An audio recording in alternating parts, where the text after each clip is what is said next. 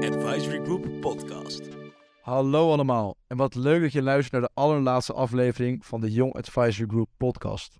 De podcast waarin we in vier afleveringen uitleggen wie en wat JAG is, wat we doen, hoe we impact maken binnen JAG en naar buiten, maar bijvoorbeeld richting de klant of op duurzaam en maatschappelijk gebied. En tot slot staat de luisteraar centraal. In de laatste aflevering gaan we namelijk met mensen die veel verstand hebben over recruitment en sollicitaties aan tafel en hoe jij het beste je kunt voorbereiden voor een sollicitatie. Mijn naam is Rutger en ik wil je graag welkom heten bij de laatste en misschien wel de spannendste aflevering van de Jacht Podcast. Vandaag ga ik samen met Davy Brugge, Lieke Kroesen en Immer te Horst meer vertellen over hoe een consultancy-sollicitatie eraan toe gaat en hoe je dit het beste kan aanpakken. Wat houdt zo'n sollicitatie bij een consultancykantoor nou precies in? Hoe kan ik mij het beste voorbereiden en hoe doen jaggers dit? Dat gaan we je vertellen, dus hou je vast.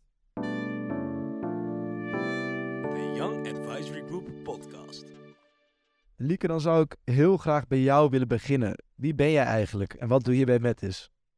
Ja, tuurlijk. Ehm, mijn naam is dus Lieke. Ik eh, ben in 2016 begonnen bij JAG RD, Rotterdam-Delft. Eh, ik heb daar architectuur en uh, techniek gestudeerd in Delft. En ik ben, werk nu alweer vier jaar als associate bij Metis, afgelopen twee jaar. En ehm, als bijfunctie, of binnen Metis, heb je eigenlijk een recruitment team bestaande uit consultants. En ja, ik ben een van ja, de consultants uit het recruitment team. Een van de gelukkigen. Ja, zeker. Zeker. Heel leuk. Uh, Davy, dan zou ik uh, graag willen weten wie jij eigenlijk bent. Ja, mijn naam is dus Davy Brugge. Um, ik werk nu sinds twee weken als associate consultant bij Bain Company. Um, en ik ben in 2020 begonnen uh, bij Young Advisory Group Rotterdam-Delft. En dat heb ik toen anderhalf jaar gedaan naast mijn studie Strategic Management. Ah, leuk. En dan hebben we de laatste. Kom jij ook uit Rotterdam of waar kom jij vandaan? Nee, zeker niet. Ik kom uit uh, Amsterdam. Ik ben uh, Immer, ik ben 24. Uh, ik heb in Amsterdam ook gestudeerd, de bachelor PPE, dus Philosophy, Politics en Economics. en daarna heb ik de Master Management Consulting gedaan. En halverwege mijn master ook bij, bij JAG gegaan. En daar was ik vorig half jaar verantwoordelijk voor de recruitmentperiode. Dus leuk om daar wat over te vertellen vandaag. Kijk, dat beloof wat te worden vandaag. Uh, vanuit verschillende perspectieven. Mensen die veel verstand hebben van het recruitmentproces. Uh, leuk dat we hier met z'n allen zijn vandaag. En de hamvraag beantwoorden. Hoe ziet een sollicitatie eruit bij een consultancy? Ik zou graag bij jou willen beginnen, Lieke. Uh, zou jij misschien iets willen vertellen over hoe dit in zijn werk gaat? Ja, zeker. En ik denk ook dat daar best een, uh, een uh, eentonig antwoord op is. Want veel consultingbedrijven die doen dat een beetje op dezelfde manier. typisch bestaat het uit vier rondes. De eerste ronde is bijna altijd cv en motivatiebrief. Uh, motivatiebrief hangt er af en toe nog wel eens om. Veel bedrijven tegenwoordig skippen die uit het proces ook. Maar cv is eigenlijk altijd het eerste onderdeel. Um, daarna de tweede ronde, dat is vaak een persoonlijk gesprek, wat meer gaat over je eigen ervaringen. en um, vaak ook zit er een kleine case al bij, dus een kleine market sizing of een een guesstimate of iets in die trant waar we straks pas meer over gaan vertellen. Um, de derde ronde, dat is echt de analytische rondes. Dus um, ja, cases, uh, zoals we die zometeen ook gaan behandelen. En de laatste ronde, die verschilt het meest per bedrijf. Uh, bij Metis is dat een written case. Dus je krijgt gewoon twee uur de tijd achter een laptop om een bepaald vraagstuk op te lossen. en daarna ook te presenteren. En bij sommige andere uh, kantoren is dat um, ja, een laatste grote case, uh, maar dan zonder laptop of uh, in presentatievorm. Of dat je echt thuis een dag, de tijd krijgt om iets te doen. Um, dus dat zijn eigenlijk typisch de vier rondes van een sollicitatieproces. Ja, ik hoop dat je als luisteraar, misschien komt het een beetje schrikwekkend over. maar dit is inderdaad normaal, zoals Lieke vertelt. Uh, Davy, jij bent natuurlijk nu sinds twee weken begonnen bij Bain Company. Dus jij bent redelijk vers uit de recruitmentperiode en de sollicitaties. Hoe is het voor jou gegaan? Ja, voor mij, ik herken wel een beetje wat Lieke zegt. Um, ik heb bij meerdere kantoren gesolliciteerd, omdat ik nog niet zeker wist waar ik precies aan de slag wilde en waar ik de beste klik had. Um, en ik heb eigenlijk ook best wel wat verschillen gezien. Het klopt inderdaad dat je bijna altijd wel begint met cv en, uh, en motivatiebrief. Um, een assessment heb jij niet genoemd, maar dat, dat zit bij Been bijvoorbeeld er wel bij. Dat is een soort uh, test met allemaal rekenvragen en dergelijke. Die kan je hartstikke goed voorbereiden. Ehm, en eh, ja, inderdaad, die laatste ronde bij Been, dat, dat waren dan echt partner interviews. Dus dan ga je ook met iets meer senior mensen praten eh, en ook een case met hen oplossen. En in aanvulling daar, daartoe, ehm, soms zit er ook nog een persoonlijkheidstoets bij. Wat niet per se geassessed wordt, maar wat meer reflecterend, waarmee je zeg maar, de inhoud van je gesprekken kan eh, vullen. Uh, doen ook veel bedrijven. Ja, en wat ook wel verschilde per bedrijf is ehm, in hoeverre de gesprekken voorbereid worden door degene die het afnemen. Dus bij Bain, toen ik solliciteerde, um, werd mijn cv niet ingezien door de mensen die mij interviewden en waren de eerste en tweede ronde puur cases. En pas in de allerlaatste ronde had ik een persoonlijk gesprek. Oké, okay, dus dan komt er dan op neer dat ze in de eerste instantie dus niet weten wie je eigenlijk bent. Nee, nee. Ze gaan ervan uit als je dus um, door je motivatiebrief en je cv, als je er dan zo doorheen bent gekomen en je komt op gesprek, gaan ze ervan uit uh, ja, dat je op zich wel een goede, goede fit kunt zijn voor het bedrijf. En willen ze je echt puur en alleen op je kennis over een case beoordelen. Um, en daarna in de laatste ronde eigenlijk pas kijken um, hoe die persoonlijke fit is. Want anders ben je misschien ook een beetje te veel beïnvloed ja, door degene die tegenover je zit. Want die heeft ook heel Rotterdam gestudeerd bijvoorbeeld. Ja, precies. Misschien is het wel een uh, JAG-RD-alumnus. En dat heeft natuurlijk wel een voordeel bij je sollicitatie. ja, precies. Precies. Uh, leuk. Ik ben eigenlijk wel benieuwd. Zullen we bij de eerste ronde beginnen? ik ben eigenlijk wel benieuwd. We hebben dus veel van de, van de luisteraars gehoord als vraag. Uh, en de consultancy is het sowieso uh, ook veel voorkomend. Wat is nou eigenlijk belangrijk in die motivatiebrief? De motivatiebrief, ja. Wat je ziet is dat uh, veel kandidaten de brief eigenlijk copy-pasten en naar meerdere kantoren versturen, maar dan kleine onderdelen aanpassen. En ik moet je wel zeggen uit dus ervaring dat, dat we daar als recruitment team direct wel doorheen prikken of dat zien van oké, dit is niet een tailored brief. En um, dat eigenlijk zelfs de specifieke motivatie, die paragraaf staat er natuurlijk eigenlijk altijd in, um, dat die uh, ja, niet tailored genoeg is. Dus ik zou echt ook als tip willen meegeven om echt goed te kijken wat is een bedrijf en hoe kan ik nou mijn motivatie echt daarop uh, richten. En voor de rest zien we dat een motivatiebrief eigenlijk altijd uit drie uh, stukken bestaat. Dus eerst waarom consulting, daar, waarom strategie consulting specifiek.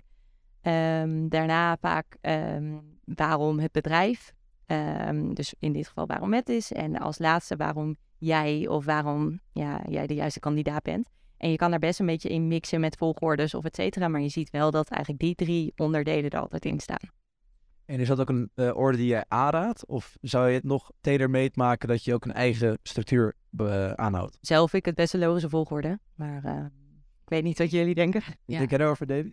Nou ja, de brief moet vooral natuurlijk gewoon heel erg duidelijk zijn voor de mensen naar wie je het schrijft. Dus als je alles door elkaar gaat gooien qua hierom wil ik dit bedrijf en daarom pas ik erbij en dan weer teruggrijpen op trouwens ik heet Davy. dan wordt het ook wel een heel verwarrende brief. Dus. Ja, en wat je ook wel veel ziet in een brief is dat uh, mensen hele cv gaan opnoemen met ik heb eerst dat gedaan en toen dat en dat. Ja, daar is die cv voor. Dus daar hoef je niet je motivatiebrief voor te gebruiken. Het is een motivatiebrief. Ja, dus... Um, en wat ik ook heel vaak aan mensen als tip meegeef is, je kan wel zeggen van, uh, ik ben heel nieuwsgierig of ik ben hartstikke ondernemend, maar dat kan iedereen zeggen.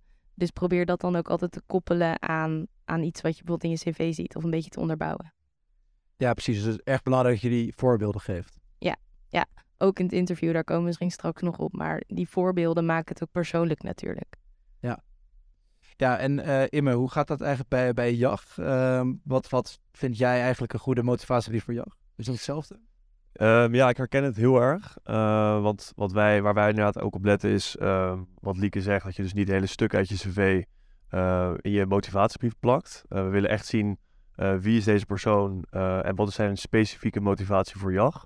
dus eigenlijk alle componenten die Lieke net benoemde, die, die nemen we ook zeker mee. Dus dat is eigenlijk, eigenlijk gewoon een standaard procedure Zoals bij een groot bedrijf gaat het ook bij JAG. Ja, ik weet ook nog toen, toen ik bij JAG zat en wij brieven gingen beoordelen, dat we soms ook zeiden van, hé, hey, deze brief hadden ze ook naar een van onze concurrenten kunnen sturen. En er is gewoon niks wat specifiek over JAG gaat. Dat is misschien wel iets uh, voor de luisteraar om op te letten. Ja, klopt. Dat uh, kon ik me nog herinneren van de vorige periode inderdaad, dat dat echt een, uh, een no-go eigenlijk is. Dan denk je al gelijk van, had vijf minuten of tien minuten extra naar de brief gekeken en dan uh, was je er beter uitgekomen. Verder zijn er nog dingen over de motivatiebrief? Ik heb misschien nog wel één leuke tip, want waar wij bij JAG toen de tijd best wel op letten, is of je in de ik-vorm of in de wij-vorm praat als je het hebt over teamwork. Dus als jij, eh, het is, er is niet een goed of een fout, maar je kan wel heel duidelijk zien in wat voor positie iemand stond als die in zijn brief uitlegt over ik heb dit bereikt en ik heb dit bereikt, terwijl je weet uit de cv dat dat met een groep samen was. Eh, terwijl je dan eigenlijk de teamwork wil zien, dus eigenlijk dan in de bijvorm moet praten en ik heb dit bereikt daarin. Ehm, dus let ook goed op je, ja, je woordkeuzes in je brief. Goeie tip. Ehm, dan ben ik eigenlijk ook benieuwd. We hebben de motivatiebrief nu behandeld. Een belangrijk onderdeel voor nog veel kantoren. Eh, wat natuurlijk een onbreekbaar eh, onderdeel is, is dus het cv. Ja, hoe, kijken jullie naar cv's? Wat maakt nou een goed cv? Uh, moet dat ook in een traditionele format, zoals de Harvard-stijl? Of ja, wat maakt nou een goed cv, Lieke? Hoe zie je dat voor je? Ik denk structuur in een cv is ook hierin heel belangrijk. Ik denk dat structuur sowieso een beetje een keyword is in strategieconsulting uh, sollicitaties. Wat je gewoon heel graag wil zien is dat bijvoorbeeld elke bullet met een werkwoord begint. Uh, dat daar in structuur zit. En zo kan je heel duidelijk aangeven welke rol of wat jij aan, als waarde hebt toegevoegd bij een bepaalde ervaring. Ik vind het persoonlijk dat dit echt een kans is om jou als uniek persoon te laten neerzetten. Dus ik vind het altijd jammer als mensen gewoon met een heel standaard wordframepje aankomen. Mag ik niet biased door zijn natuurlijk, want het gaat om de inhoud. Maar ik vind het wel uh, ja, iets karakteristieks hebben als je daar ja, een beetje je eigen stijl uh, in neerzet. Oké, okay. en Davy en Imme, hoe ziet jullie cv eruit? Ja, ik heb mijn cv gemaakt in het programma Canva. Dat is een soort Photoshop, maar dan online. Uh, dikke aanrader voor mensen. Ook voor als je bijvoorbeeld een, een foto wil bewerken of een affiche of iets moet maken ooit. Uh, maar daar kan je heel makkelijk ook een cv-template opzoeken. Of misschien ken je wel vrienden die een template hebben. sowieso is het wel goed om na te vragen bij vrienden van... joh, hoe ziet jouw cv eruit? En dan kan je een beetje kijken wat je daaruit wilt overnemen of niet. Maar inderdaad, ik sluit me aan bij Lieke. Het moet vooral heel overzichtelijk zijn. Zit overal ook data bij. Ehm, ook maanden soms. Want ik vind soms van 2017 tot 2018... Ja, heb je het dan twee jaar gedaan. Of van december tot en met januari... Uh, dat is misschien ook nog wel uh, een tip. Ja, ik heb uh, toevallig ook het Canva template. Dus ik denk dat hij ook binnen JAG uh, is rondgegaan. Um, maar ik vond het ook altijd wel prettig om te zien op een cv als je bijvoorbeeld een bepaald bijbaantje had gehad of een, nou, iets extracurriculairs had gedaan, om dan ook te kijken van hoeveel uur per week je dat ook deed. Um, want soms staat er inderdaad dat je een bepaald bijbaantje hebt gehad, maar dan was het misschien maar voor één uur per week. Maar dat kan je natuurlijk niet opmaken als je het cv leest. Um, dus ik geef ook altijd als tip mee eigenlijk aan mensen die bij JAG gaan solliciteren om uh, ook het aantal uur per week erbij te zetten. Ik heb nog een tip, want Tips ja, nou ja, gewoon dingen die in me opkomen. Um, een cv, inderdaad, wat Lieke zegt, is ook iets om een beetje je persoonlijkheid te laten zien. Dus als jij bijvoorbeeld heel erg van sport houdt of heel creatief bent, denk dan niet van, oh, dat ik ooit de theaterschool heb gedaan toen ik in de vierde zat, is niet relevant. Als dat echt iets laat zien over jou als persoon en dat komt later ook terug, of je kan er iets leuks over vertellen, dan is dat zeker ook relevant om op je cv te zetten. We hebben nu een aantal gouden tips gekregen van de mensen aan tafel. Maar ik ben eigenlijk wel heel erg benieuwd, en ik denk de luisteraar ook, hoe pak je dit nou zelf aan? Davy, hoe ging dit bij jou, de, de sollicitaties? Kan je daar misschien iets over vertellen? Ja, ik, ik wist um, eigenlijk al best wel snel dat ik bij een consultancykantoor wilde solliciteren. Ik vond JAG heel erg leuk. Mijn master ging ook best wel veel over consultancy en strategie. Um, voor mij was toen meer de vraag, welk kantoor gaat het worden? Um, dus ja, ik heb heel veel gehad aan JAG in die tijd. Um, het netwerk is natuurlijk heel groot. Er werken mensen bij allerlei kantoren. Je hebt allerlei trainingspartners die trainingen komen geven of, of uh, die een borrel organiseren waar je langs kunt komen. En uh, ik had toen zo een beetje een selectie gemaakt van een aantal kantoren uh, die me wel interessant leken. Um, toen ben ik wat koffietjes gaan inplannen of heb ik recruiters gemaild en ge stalkt op LinkedIn om te vragen: kan ik een keertje langskomen? Mag ik wat meer weten van, van dit kantoor? Uh, business courses gedaan, dat is ook een aanrader. Um, en uiteindelijk een lijstje gemaakt van kantoren waar ik dan dus mijn cv en mijn motivatie wilde inleveren. Dus waar ik echt wilde gaan solliciteren. Um, dat waren er nog steeds een aantal. Aantal bedrijven. Dat is best wel gebruikelijk um, als je bij een consultiekantoor wilt werken. Omdat ja, de selectie is best wel streng. Um, en je komt er ook gedurende de gesprekken steeds iets meer achter uh, wat er nou echt bij je past. Dus ik zou zeker ook aanraden om, ik zou niet willen zeggen kansen te spreiden, um, maar om gewoon bij meerdere kantoren aan te melden. Um, en toen ging ik eigenlijk de hele sollicitatieprocedure molen in. dus, uh, ja, wat, ja, hoe gaat zo'n molen dan? Zeg wat moet ik denken aan bijvoorbeeld hoe lang duurt het? Uh, waar begin je? Ja, dus je levert eerst eh, de, de cv en, en brieven in. ehm, en dan vaak nou ja, hoor je best wel snel wat terug. Het verschilt een beetje per kantoor. Sommige kantoren hebben vaste aanmeldmomenten. Hou dat dus ook goed in de gaten. Soms is het zo dat ze bijvoorbeeld maar twee keer per jaar of, vier keer per jaar ehm, brieven gaan, gaan controleren. Andere kantoren hebben open sollicitaties. Dus ik had echt een documentje waarin ik bijhield van... hier heb ik op die datum mijn brieven ingeleverd... en op die datum wat teruggehoord. Ehm, en dan plan je, ehm, als je dus door die ronde heen bent... eh, vaak eerst je assessment in, eh, als ze een assessment doen... en anders direct de eerste ronde. En dan zou ik dus als tip willen meegeven om die eerste rondes een beetje in dezelfde periode in te plannen, zodat je ook gelijk blijft lopen. En als je dus meerdere tweede ronde of derde rondes hebt, dat je ook een beetje tegelijkertijd je, je offers krijgt. ehm, zodat er niet al te veel tijd daartussen zit. en je andere kantoren dus ook niet te lang in spanning moet laten wachten. Want uiteindelijk heb je misschien meerdere offers. ehm, dus dat. Dus ja, dat is een beetje die molen. Want daartussendoor, als je dan dus door bent, dan word je ook weer gebeld door een recruiter misschien. eh, die eh, stelt eh, je de vraag wil jij nog iets weten? Of je plant nog een koffietje in. Want ja, uiteindelijk gaat het niet alleen over dat, dat jij aan het solliciteren bent bij een kantoor. En, en dat, dat het voor jou allemaal heel spannend is. Maar ook die kantoren willen uiteindelijk ook jou weer hebben of zo. Ehm, dus het gaat ook heel erg om netwerken op een gegeven moment. En voor jezelf om erachter te komen. eh, waar je het beste past. Ja, precies. Dus eigenlijk een beetje van twee kanten. Ook al lijkt het vanuit onze, ons perspectief, nu we nog bij jacht zitten, dat eigenlijk vooral wij willen bij het kantoor, maar het kantoor wil natuurlijk ook ons hebben. Ja, ja, precies. Ja, het- kantoor en de interview. Ik zeg altijd eh, tegen mensen: ehm, de interviewer is er niet om, om jou erin te luizen of zo. De interviewer en het kantoor en de recruiter, die willen eigenlijk het liefst dat jij de perfecte fit bent voor het kantoor. Dus ehm, ja, ze willen jou ook alle tools bieden om je zo goed mogelijk voor te bereiden op het, op het interview. Ze willen jou ook alle tools bieden om eh, erachter te komen of het kantoor is waar jij het beste bij past. Ehm, zij zijn een beetje wel gewoon je vrienden. Ze staan aan jouw kant. Vrienden, dat is vind ik een eh, ja, mooi woord. Dat is niet waar je aan denkt bij een sollicitatie. Ik ben wel benieuwd. Jij hebt natuurlijk voor Metis gekozen. Ja, hoe ben jij erachter gekomen welk kantoor bij jou paste? Ja, ik vond het best wel lastig, want consulting is zo breed en er zijn zoveel verschillende bedrijven eh, die daarin eh, opereren. Ehm, daarom is het gewoon heel belangrijk om uit te zoeken welke, ja, welke niche eh, of welke ja, cultuur van een bepaald bedrijf nou echt het beste bij jou zelf past. En ik heb dat zelf best wel lang de tijd genomen om dat uit te zoeken. Dus wil ik nu publiek of privaat? Wil ik nu een, ehm, een digital boutique of wil ik nu echt een klassiek groot eh, consulting eh, eh, bedrijf? Wil ik nu ehm, eh, nog iets met mijn achtergrond met architectuur gaan doen of in de bouw? Of wil ik echt helemaal naar een generalist zijn of worden? Ehm, en dat zijn allemaal wel vragen die je ja, door middel van in-house dagen, door middel van business courses, door middel van koffietjes, ehm, eh, maar ook internships. En ik ben ook ergens anders begonnen. Ja, je kan ook nog altijd switchen. Ehm, dus je komt daar ja, gaandeweg vanzelf achter, maar je moet het wel echt zelf opzoeken. Het komt niet naar je toe.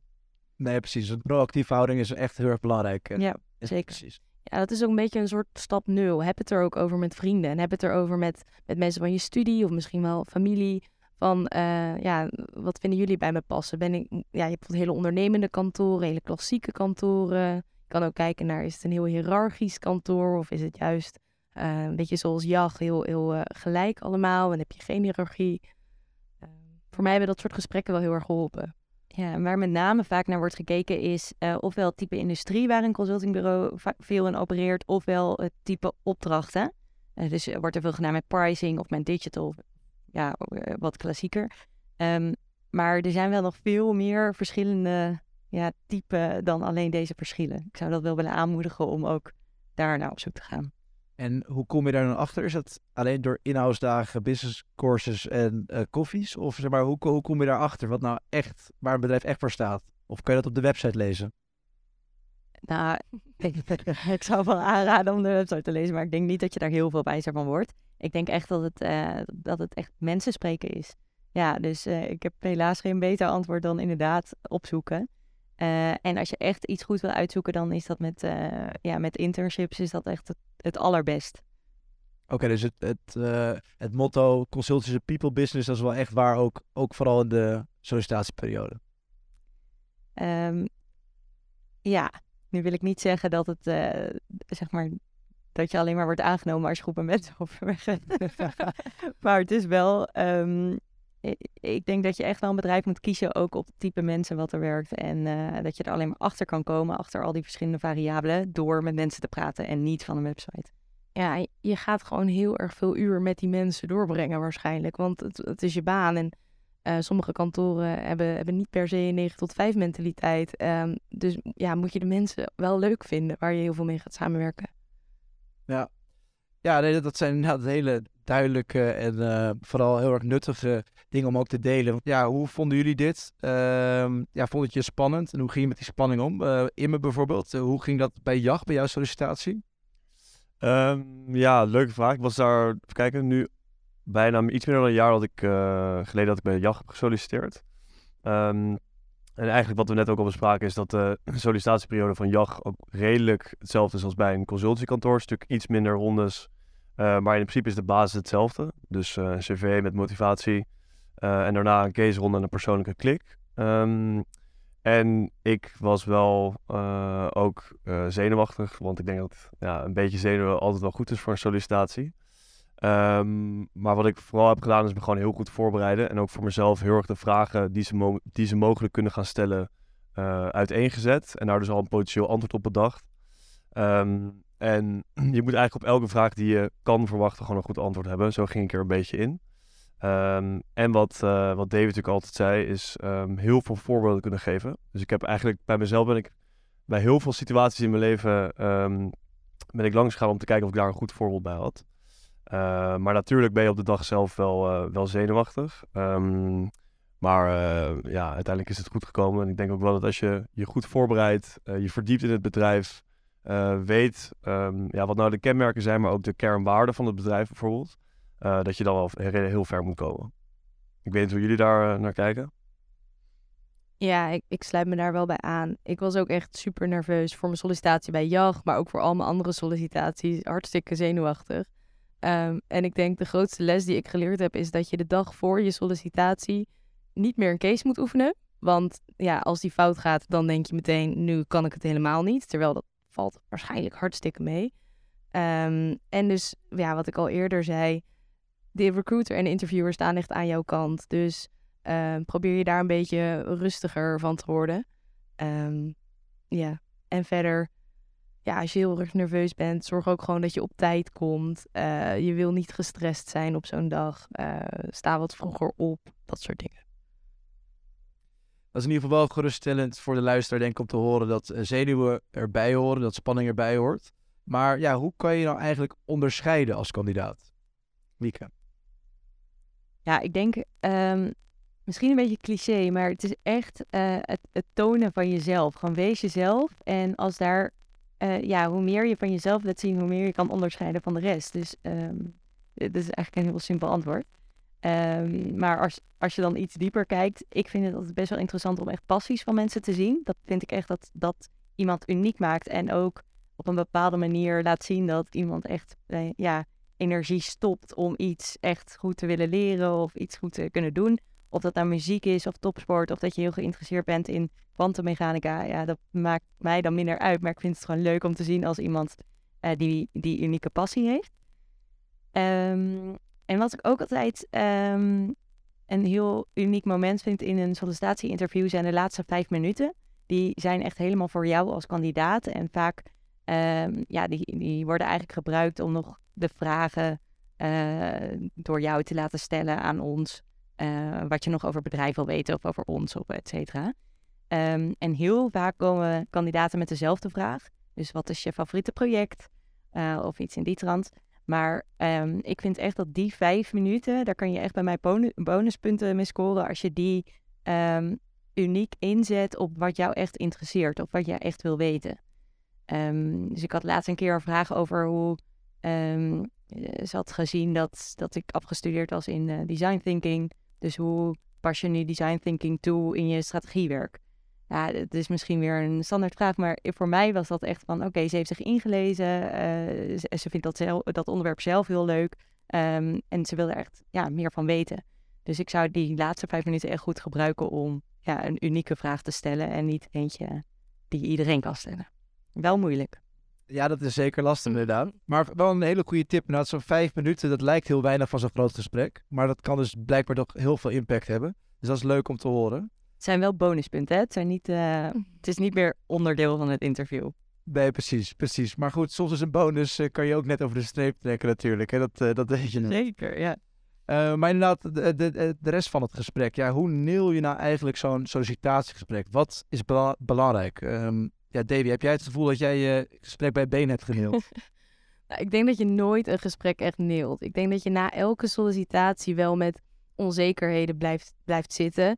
Ik denk ook, met name als je kijkt naar het case interview, dat doe je nooit perfect volgens het antwoordmodel. En dat hoeft ook helemaal niet. Ehm, maar goed, ik ben wel aangenomen. Dus ik heb het waarschijnlijk wel goed genoeg gedaan. dus je weet eigenlijk als, als kandidaat, eh, sollicitant, nooit echt of je het goed gedaan hebt. Dus ik ben wel heel erg benieuwd, ja, hoe en waar let je nou eigenlijk op als recruiter? Ja, goede vraag. Ik denk dat daar, ehm, dat daar drie elementen in zitten die, ja, die elke recruiter, waar dan ook, bij welk bedrijf ook, eh, op let. Eh, allereerst is dat echt je, je feitelijke informatie. Er zitten een aantal harde requirements in, zoals heb je een masteropleiding gedaan, heb je een beetje OBS-cijfers. Ehm, we maar kijken ook naar kwalitatieve eigenschappen. Dus bijvoorbeeld, eh, toont deze, eh, dit persoon ambitie? Zit er ondernemerschap in? Ben je een beetje een teamspeler? Heb je leiderschapervaring? Ehm, dat zijn ja, wat kwalitatievere elementen die we ook meenemen. Eh, als tweede kijken we ook daadwerkelijk naar ja, je intellectuele capaciteit of je analytisch vermogen. Ehm, dat kan je ook al terugvinden in cv of op motivatiebrief of ehm, cijferlijsten. Maar dat komt ook natuurlijk heel veel naar voren in die andere rondes. Ehm, en als laatste, ehm, dat is wat subjectiever, maar we kijken ook best wel naar hoe eenmaal iemand overkomen en iemands energie in het eh, gesprek zelf zit. En dat eh, is natuurlijk super onderhevig aan ja, vooroordelen of eh, bias. En daarom zijn we daar als Met ook best wel mee bezig. Hoe je toch divers kan zijn, maar wel deze, dit eigenschap mee kan nemen in een sollicitatie. Ehm, veel bedrijven kennen hem ook als de airport test. Ik weet niet of jullie die kennen, maar dat is de vraag die je moet afstellen als je met iemand 24 uur lang je vliegtuig mist en op een, eh, vliegveld komt te zitten met een persoon. Of je het dan leuk gaat hebben, of, ja, of dat je echt een hele vreselijke 24 uur doorgaat. Ja, ehm, het kan saai worden en dan weet je ook van ja, moet ik hier dan, eh, wat Demi ook al eerder zei, van ja, je werkt gewoon veel eh, bij sommige kantoren. Dus ja, wil je daar dan je, je tijd mee kwijt? Ja, ala. Ehm, maar goed, dat, dat zou niet de grootste reden moeten zijn, maar het is gewoon ook een factor in die lange lijst van wat er wordt ge- getoetst bij je. Eh, of je ja, de juiste energie in dat eh, gesprek ook kan stoppen. Ja, tuurlijk. Tuurlijk, want jij, je wilt natuurlijk ook energie voor juist eh, voor je team, maar ook voor de klant. En je wilt uiteindelijk ook met z'n allen een goed resultaat afleveren. Dus dan moet die energie wel hoog blijven, denk ik. Ja, Ja, precies. Ja. Dat is een hele goeie. En dit gaat natuurlijk vooral over, over het gesprek en je overkomen. Maar ik ben ook wel benieuwd. Er is een veelgestelde vraag: how to crack a case? Ja, hoe vlieg je nou eigenlijk zo'n case aan? Ja, daar kan ik wel antwoord op geven, want ik heb flink veel cases geoefend voor mijn sollicitaties. Maar ik wil even als allereerst zeggen, als je dit nu luistert en je denkt, ik heb geen idee wat een case is ehm, en wat er nu allemaal gaat komen, heel veel vraagtekens, dat is al helemaal niet erg, want we zijn allemaal eh, ooit zo begonnen. En ook voor jacht moet je een case doen, maar er wordt niet van je verwacht dat je daarvoor tegen cases hebt geoefend. En je krijgt daar ook allerlei oefenmateriaal voor. In, een, in een case interview bespreek je eigenlijk een, een business case uit de praktijk. En die is dan dus vaak representatief van het soort werk wat je gaat doen voor dat kantoor. Ehm, dus een voorbeeld van een case kan zijn. eh, nou, dit bedrijf eh, produceert eh, lijm in de US. En die is aan het nadenken om misschien naar Europa te gaan. En ze zijn heel erg benieuwd ehm, waar ze allemaal tegenaan kunnen lopen. ehm, en wat hun strategie voor de komende vijf jaar moet zijn. Eh, en dan is aan jou de vraag: eh, hoe ga je hier, eh, hoe ga je dit benaderen? Dus welke stappen moet je allemaal ondernemen om antwoord te kunnen geven op deze vraag? Welke data heb je daarvoor nodig? En vaak komt dan de interviewer met, met een grafiekje, wat jij dan moet analyseren en waar je misschien ook wat eh, rekensommen voor eh, moet maken. En eh, uiteindelijk werk je dan toe naar een aanbeveling. Ehm, dat is globaal een beetje hoe een case eh, interview eh, in elkaar zit. Lieke, heb jij toevallig nog een aantal concrete voorbeelden van wat voor soort case je kan verwachten? Ja, ik denk dat er een aantal categorieën zijn. Ehm, aan de ene kant heb je een groeistrategie, dus bijvoorbeeld uitbreiding en naar welke landen kan je het beste gaan en dat je dat op een ja, weer gestructureerde manier aan gaat pakken. Een andere categorie is hoe je eh, groei eh, kan doormaken in omzet of in winst. Ehm, een andere, dus meer zeg maar bijvoorbeeld producten erbij zetten, een andere doelgroep kiezen, ehm, een andere service erbij aanbieden, een ander retailkanaal kiezen. Dat kunnen allemaal voorbeelden zijn van ja, dit soort type vragen. Maar vaak zit er ook in cases even uh, net een ander type vraag. Dus bijvoorbeeld, hoe kan je inclusiviteit en diversiteit bij de jacht uh, verhogen? En het gaat dus zowel om rekenvaardigheid als af en toe om het kwalitatief uitdenken van ja, welke elementen zou ik nou meenemen als je mij de deze vraag stelt. Um, maar eigenlijk how to crack a case ik denk een, een gouden tip die ik wil geven voor mensen die nu bezig zijn met oefenen is... Natuurlijk, neem het cases oefenen serieus. Maar zorg dat je wel dicht bij jezelf blijft. Want het is heel belangrijk dat je niet een soort wandelend script gaat worden van frameworks die ooit bedacht zijn. Probeer echt te denken, uh, echt mee te denken met je interviewer. Dus je interviewer geeft je een, uh, een vraagstuk. En probeer echt voor jezelf te bedenken: oké, hoe zou ik dit willen oplossen? Wat zijn vragen die in me opkomen? En niet dat je op een gegeven moment denkt, oh ja, dit is, een, dit is een groeivraag. Dan moet ik deze vier elementen gaan uitzoeken. En dan hoor ik deze zes vragen te stellen. Dat, dat hebben, denk ik, interviewers ook door. Misschien dat, dat Lieke daar ook iets over kan vertellen straks. Maar um, dat laat ook weinig creativiteit uh, zien. Ja, ik kan dat helemaal bamen. Dat, eh, dat is echt iets wat we direct zien als je een soort van case robot bent geworden door te veel oefenen. Ja. En supergoed dat je veel oefent natuurlijk, maar uh, ja, het moet niet doorstaan in het opzommen van frameworks. En wat ik daar nog aan wil toevoegen is dat uh, wat je met name toetst, is dus dat analytisch vermogen en gestructureerd uh, door een bepaalde aanpak heen lopen. Dat is niet wat je even in twee weken cases oefenen leert. Dus daar moet je echt wel op tijd mee beginnen en dat kan ook gewoon vandaag. Je kan gewoon, um, als jij um, check-in hebt met je projectgroep, dat je die op een gestructureerde manier, hoofdzaken, daarna bijzaken uh, dat je daar eens over nadenkt hoe je dat brengt. Of als jij een keer een belangrijke mail stuurt, dat je even er doorheen gaat van ja, is dit nu uh, op een gestructureerde manier opgezet en zijn de argumenten voor een bepaald argument wat ik neerzet, is dat correct? Um, en dat is natuurlijk wat een consultant de hele dag door doet, uh, de analytisch vermogen inzetten. Dus ja, begin daar echt op tijd mee en niet um, in je cases oefenen pas. Ja, dus inderdaad ook het, het casevermogen en de het structuur aanbrengen in, de, in je dagelijkse leven.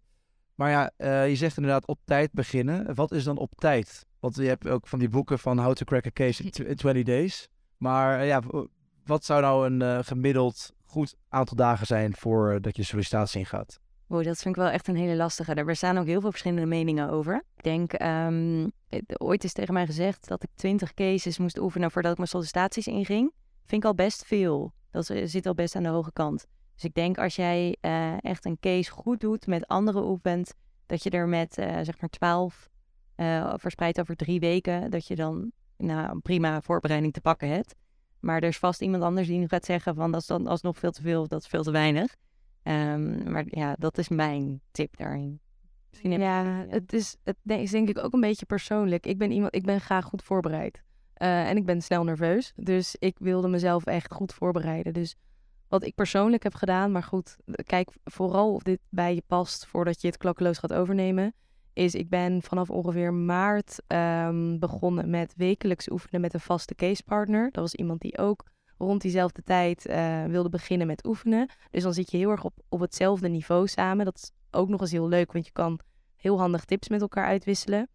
Um, en dat heb ik in in maart, april gedaan.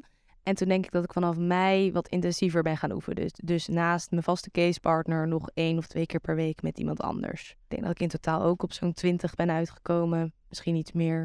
Ik denk wel iets meer. Maar ja, dat, dat is dan mijn, uh, waar ik me fijn bij voelde. En Ibbe, jij vertelde natuurlijk uh, dat je over een half jaar stopt bij JAG. Wat ga je dan doen en hoeveel cases ben jij uh, ben je voorbereid?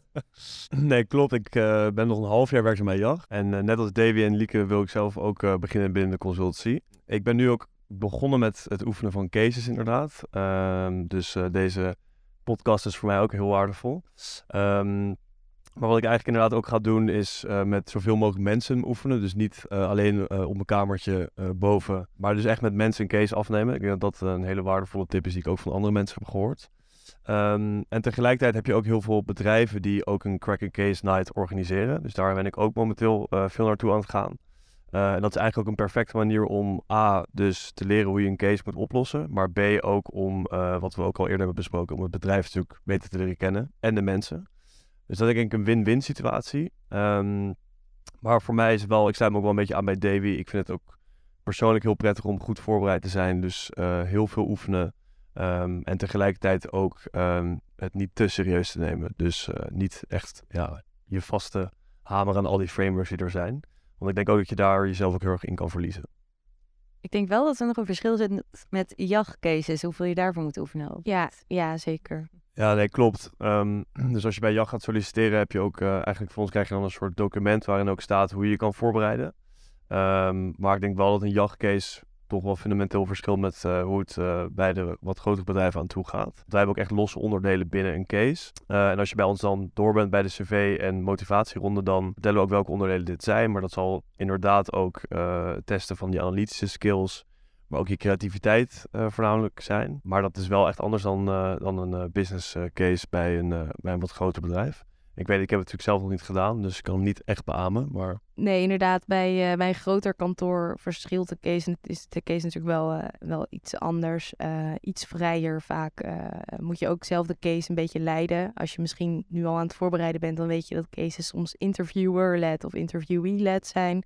Ehm, nou ja, JAG heeft dan vaak interviewer-led, dus is het iets meer antwoord geven op vragen. Eh, en bij grotere kantoren eh, is het vaak wat meer dat jij de leiding moet, eh, moet nemen in een case. Maar ik wilde ook nog zeggen, over al dat oefenen. En als je nu denkt van poeh, eh, dat wordt wel echt heel veel tijd. Ik vond cases oefenen ook best wel leuk eigenlijk. Want het gaat wel heel erg over het werk wat je ook later gaat doen. Dus als je op een gegeven moment ook merkt van... oh, ik, vind, ik, ik ga echt met plezier een case oefenen. En kom maar op met, met die vraag. En ik ben heel benieuwd hoe, hoe ik dit nu ga oplossen. Dan weet je ook vaak wel dat je, dat je op de goede weg bent. En dat je ook ja, het werk zelf wel leuk gaat vinden. Ja, precies. Want ook zoals Lieke al eerder zei, eh eigenlijk zo'n case-structuur, dat pas je ook heel veel toe je, in je realiteit. En als je merkt dat je dat echt leuk vindt, dan is dat strategieconsulting ook sowieso iets voor jou. En maar voor de voorbereiding, eh, daar heb je natuurlijk ook goede cases voor nodig. Eh, dus waar, ja, waar kan je die eigenlijk vinden? Ehm, nou, ik heb momenteel een paar boeken aangeschaft. Dus je hebt echt eh, gewoon fysieke boeken die je kan, eh, kan kopen met eh, bijvoorbeeld How to Case. Victor Cheng is een hele bekende. Die heeft eh, zowel ehm, tips over hoe je een goede case kan oplossen, eh, als hoe je een motivatiebrief structureert. Eh, dat is wel een bekende man, denk ik, binnen de consultancy. Met meester case. De meester eh, Mr. Chang. Ehm, maar ik weet niet of jullie nog andere tips hebben. Ik heb het nu voornamelijk met, eh, met mijn boeken. Ja, er staan, als je gewoon wat informatie wilt van hoe, hoe werkt een case nou eigenlijk, staat er ook op YouTube best wel veel. Ehm, en er bestaan ook Facebook-groepen, volgens mij zijn die inmiddels ook weer overgegaan op LinkedIn-groepen, ehm, waarin mensen samenkomen die, ehm, die samen cases willen oefenen en waar ook boeken uitgewisseld worden. Ik had op een gegeven moment eh, een hele drive-map gekregen met allerlei boeken erin, eh, die iedereen aan elkaar doorstuurde. Ehm, dus vraag vooral ook rond, eh, stel je hebt een, een recruitment-event gehad, vraag vooral ook rond van, joh, hebben jullie nog boeken waarmee je kan oefenen? En als iemand een case bij jou afneemt en ik vond het een boeiende case, dan vroeg ik vaak ook van, joh, wil je die naar mij doorsturen? Want dan kon ik hem vervolgens ook weer bij iemand anders afnemen. En online kan je ook heel veel vinden. Dus ehm, er zijn zelfs een soort van tools ingericht dat je door een bepaald programma heen kan lopen van eh, drie weken tijd en aan het eind ben je helemaal klaargestoomd. Ja, ik weet niet hoe goed het is, maar ik weet wel dat ze bestaan en dat ze helpen om eh, kandidaten goed voor te bereiden. Ja, en ik weet ook toevallig, ik weet niet hoe dat bij jou was, Davy, eh, maar dat als je bij bijvoorbeeld bepaalde bedrijven door bent, bij de eerste of tweede ronde, dat ze je dan ook de mogelijkheid bieden om op kantoor een case met ze te oefenen. Ik weet niet, heb jij dat ook gehad toen? Ja, eigenlijk elk kantoor waar ik gesolliciteerd heb, die eh, gaven ofwel van tevoren een, eh, een PDF-documentje met zo kan een case eruit zien, eh, zodat je weet wat je kan verwachten. En heel vaak bieden ze ook een oefencase aan. En als ze dat niet aanbieden, dan kan je dan natuurlijk ook altijd vragen van, joh, ehm, kan ik misschien een keertje oefenen, zodat ik een beetje weet wat ik kan verwachten. Dat is helemaal geen gekke vraag. Ja, klopt. Ook goed om te zeggen, misschien voor de, voor de jachtsollicitatie, wij- studeren ook van tevoren goed voorbereiden met materialen waar je kan, mee kan oefenen. En we hebben het nu natuurlijk best wel veel over de case gehad en hoe je je daarvoor kan voorbereiden.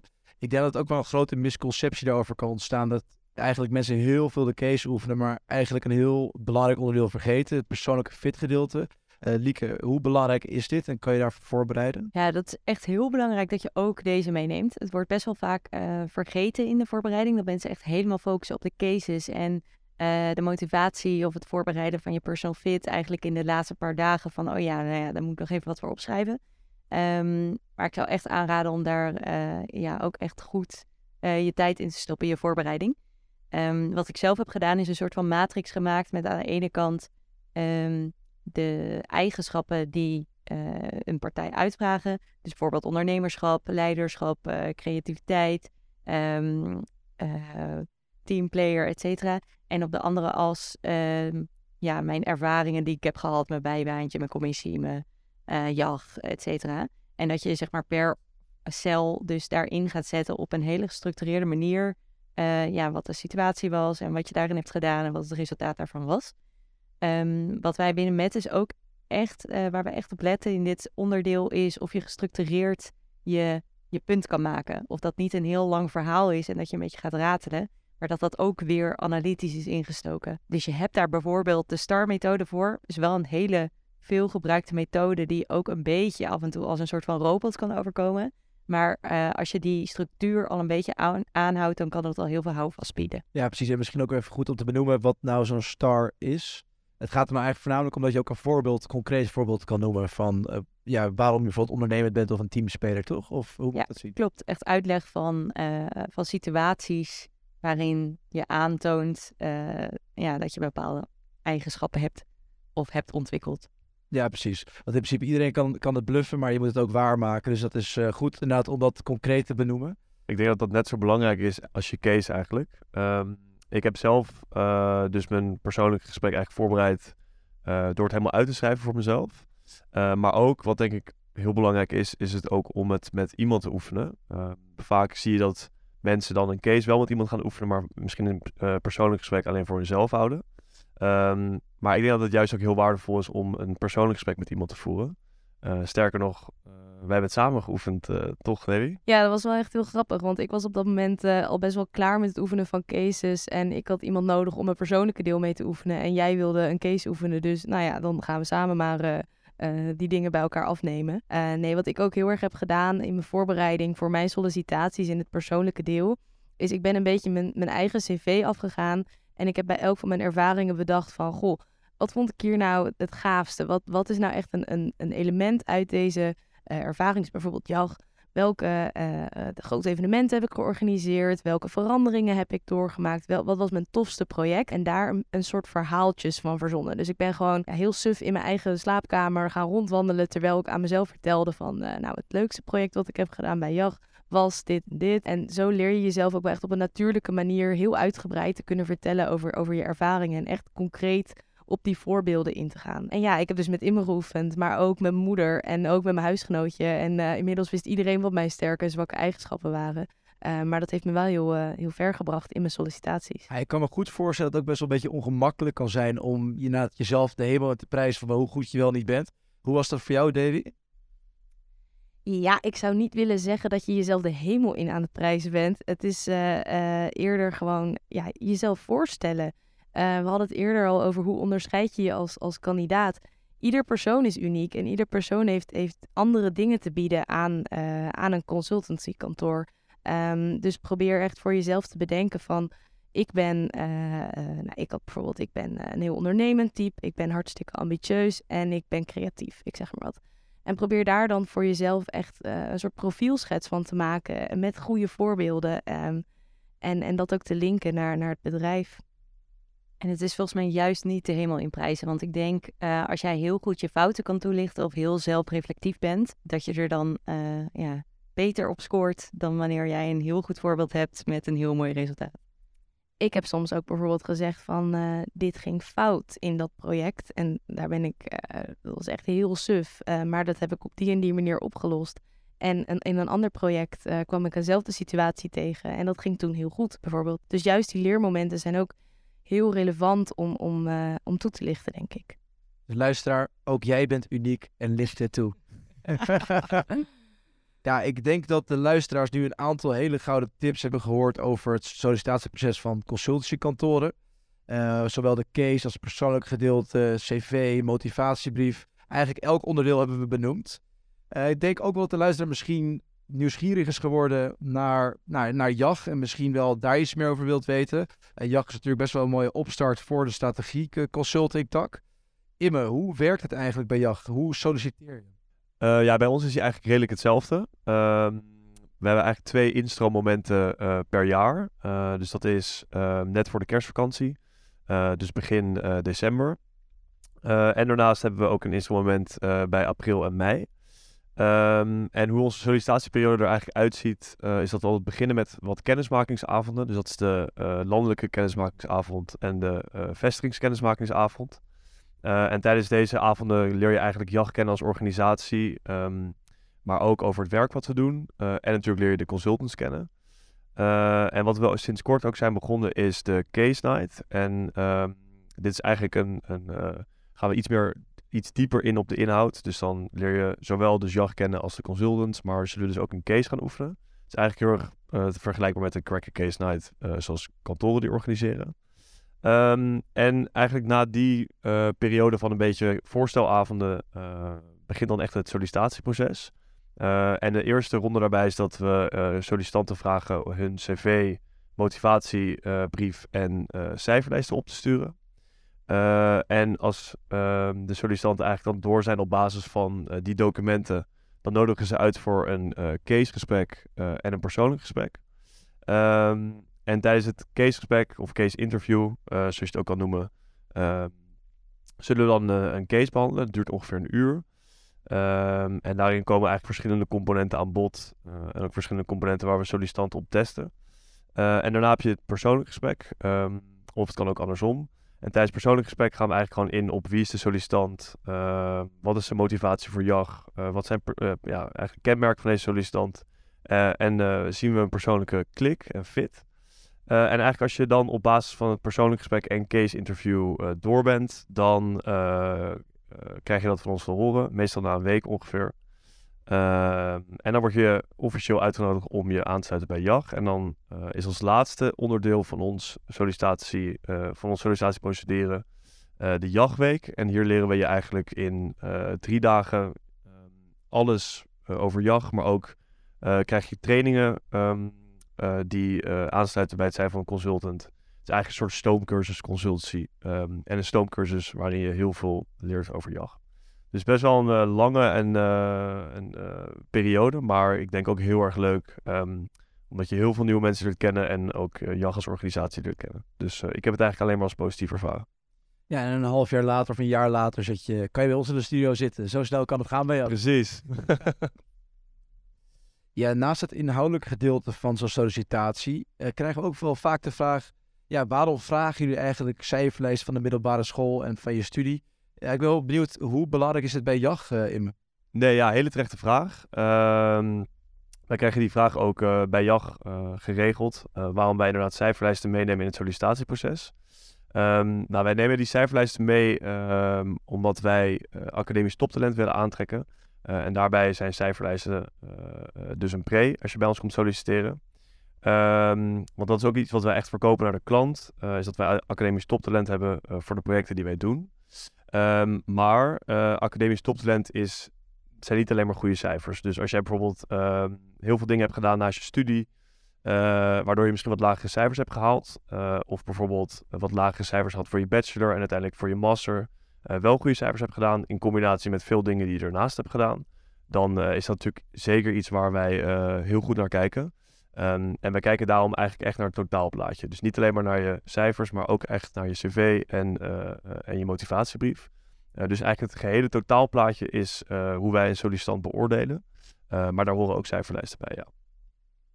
En is het wel leidend bij echte consultancykantoren?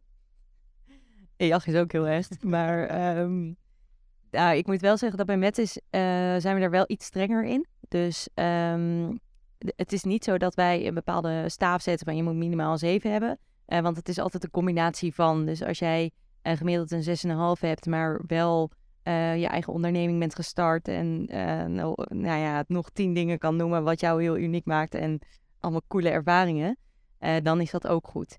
Um, of ook andersom, als mensen hele hoge cijfers hebben, maar minder op hun cv hebben staan aan extracurriculaire activiteiten, ja, dan is dat ook ergens te verklaren.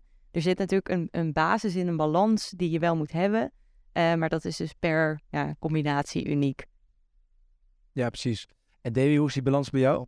Mijn persoonlijke balans tussen mijn cijfers en, uh, en een uh, extracurriculaire activiteiten. Nou, als ik naar mijn eigen uh, ervaringen kijk, mijn bachelorcijfers waren wel een stuk minder dan, dan mijn mastercijfers. En mijn bachelorcijfers waren ook echt niet dat ik een 8 gemiddeld stond of iets. Um, en ik ben met die cijfers ook wel bij jacht binnengekomen. Dus laat je daar ook zeker niet door ontmoedigen, denk ik. meld je vooral aan ook al twijfel je over, over je cijfers, als jij een goede fit bent met jacht, dan, dan kunnen wij ook echt wel, nee wij, ik zit er niet meer bij, maar dan kan Imme en de rest van de huidige consultants daar ook echt wel doorheen kijken en zien dat jij een perfecte jagger bent.